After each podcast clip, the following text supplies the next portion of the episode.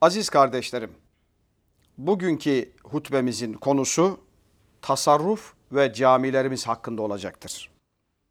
Değerli müminler, ilk insandan başlayarak yani Hazreti Adem babamızdan başlayarak günümüze kadar insanoğlu çeşitli imtihanlara tabi tutulmuştur. Hayatın bütün alanlarında insanlar imtihanlara tabi tutulmuş. Bir kısmı bu imtihanı verebilmiş, bir kısmı maalesef bu imtihanları verememişlerdir.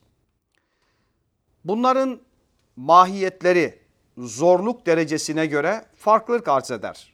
Kimisi malıyla imtihan olmuş, kimisi canıyla imtihan olmuş, kimisi ilmiyle imtihan olmuş, kimisi makamıyla imtihan olmuş, kimisi de aldığı nefesle imtihan olmuştur. Dolayısıyla her şey bir imtihanla başlar ve imtihan olmaya devam eder. Bugün dünyanın farklı coğrafyalarında baş gösteren işgaller, savaşlar, sömürüler, hukuksuzluklar insanoğlunun geçmiş dönemde yaşamadığı bazı imtihanlara tabi tutulduğunu göstermektedir. Bunlardan bir tanesi enerji krizi, iklim krizi, küresel afetler ve krizler insanoğlunun yeni tanıştığı krizlerdendir. Dolayısıyla işgallerin temelinde, sömürünün temelinde, küresel ısınmanın temelinde, her türlü enerji krizinin temelinde insanoğlunun bencilliği vardır. Halbuki Cenab-ı Hak insanoğluna o kadar büyük nimetler vermiştir ki, o kadar güzel imkanlar vermiştir ki, eğer insanoğlu bunu saymaya kalksa emin olun onu sayamaz. Hutbemin başında okuduğum ayeti kerimede Cenab-ı Hak şöyle buyurmaktadır. Estaizu billah. Ve ataakum min kulli ma sa'altumu. Ne istemişseniz onu Allah size vermiştir. Ve in tauddu ni'metallahi la tuhsuha. Eğer siz Allah'ın size vermiş olduğu nimetleri saymaya kalksanız onu sayamazsınız. İnnel insane la zalumun keffar. Muhakkak ki insan çok zulmeden zalimdir ve verilen nimetleri çabucak unutan nankördür. Yani alemlerin Rabbi olan Allah'ı, onun kaidesini, onun nimetleri bilenler Allah'ın sevgili kullarıdır. Dolayısıyla bu nimetleri veren alemlerin Rabbi olan Allah'adır. Eğer insanoğlu alemlerin Rabbini, nimetleri veren alemlerin Rabbini tanır ve onun kaidesine göre yeryüzünde halife olduğunu idrak ederek yaşarsa emin olun bu küresel ısınmadan iklim krizine, enerji krizinden işgallere kadar bütün meselelerin çözüldüğünü hep beraber görürüz. Aziz dava kardeşlerim, her kriz yaşamış olduğumuz bu krizlerin her biri ders alma açısından önemlidir.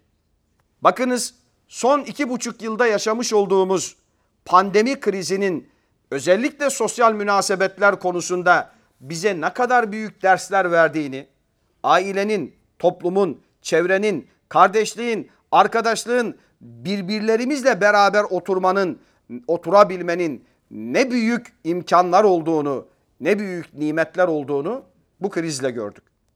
Dolayısıyla şu anda yaşamış olduğumuz gerek enerji krizi, gerek iklim krizi, gerek küresel afetlerden de dersler alacağız.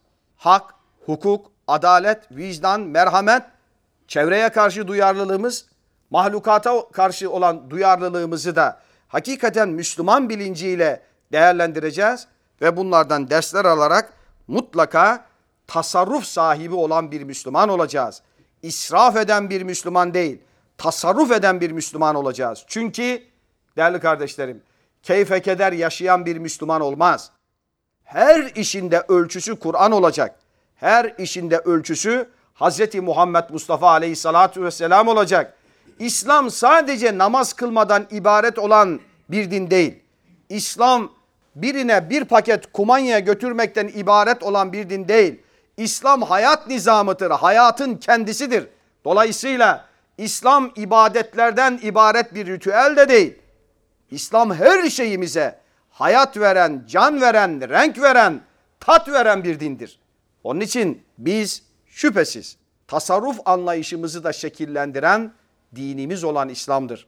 Bakınız Efendimiz Aleyhisselatü Vesselam'ın bu konuda çok güzel bir hadis-i şerifi vardır.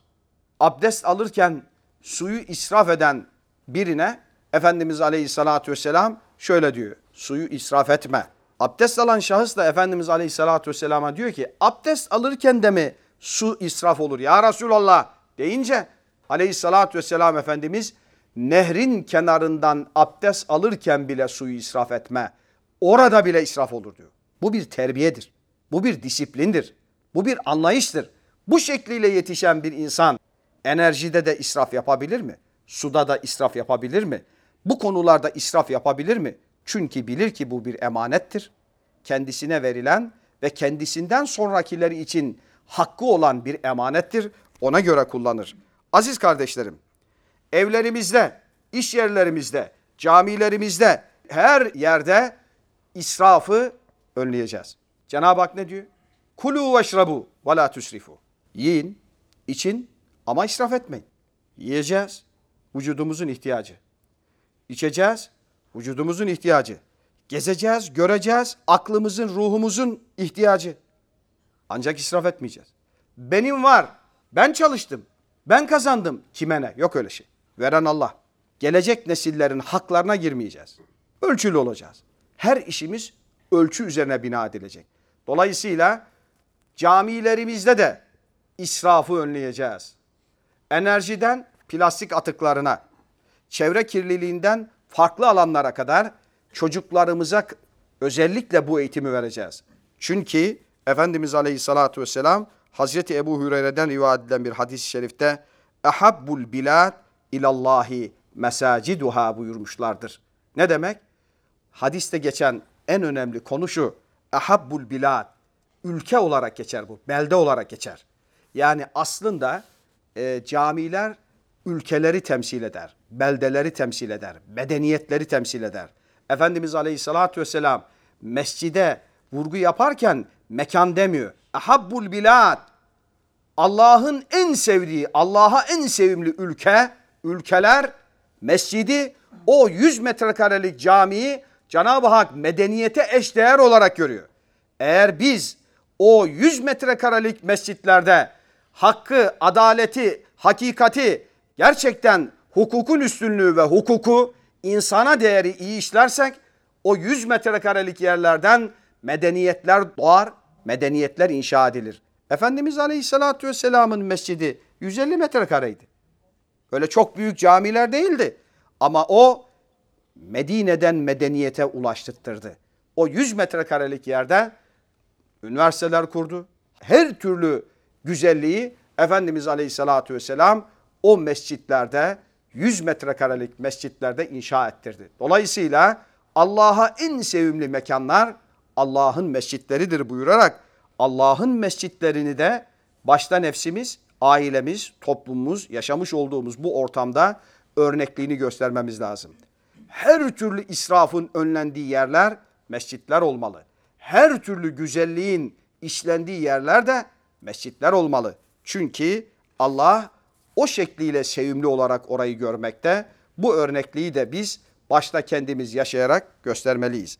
Aziz kardeşlerim, İslam Toplumu Milli Görüş Teşkilatları olarak öteden beri 3 Ekim gününü başta Almanya olmak üzere birçok ülkede açık cami günleri olarak organize ediyoruz.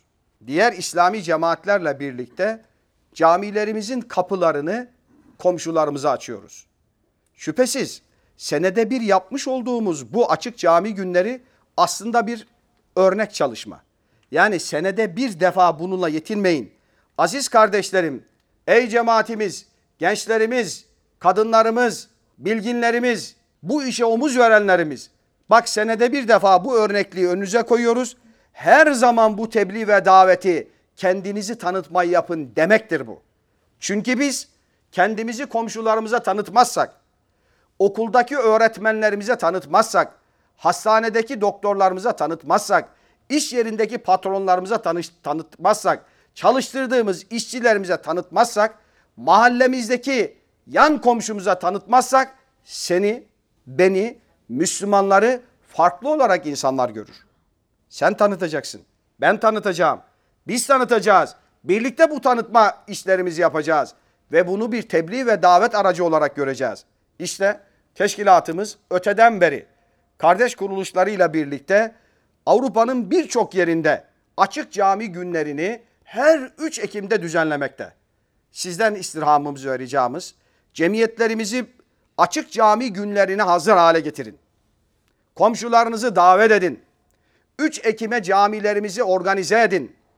Kadınlar teşkilatımızda, kadınlar gençlik teşkilatımızda, gençlik teşkilatımızda ve ana teşkilatımızda mutlaka davet edilmedik bir komşu bırakmayın. Oraya davet edin. İslam'la ilgili onlara bilgiler takdim edin. ikramlarda bulunun ki ön yargılar bu şekliyle ortadan kalkacaktır. Teşkilatımızın bu çalışmalarında emek vermiş tüm kardeşlerimi tebrik ediyorum. Bağrıma basıyorum. Allah sizlerden razı olsun. Kardeşlerimizden razı olsun. Çalışmalarımızı bir tebliğ ve davet anlayışıyla hepimize yaptırmayı ihsan etsin. Cumanız mübarek olsun. Ekulu kavli hâzâ. Estağfirullah li ve lekum.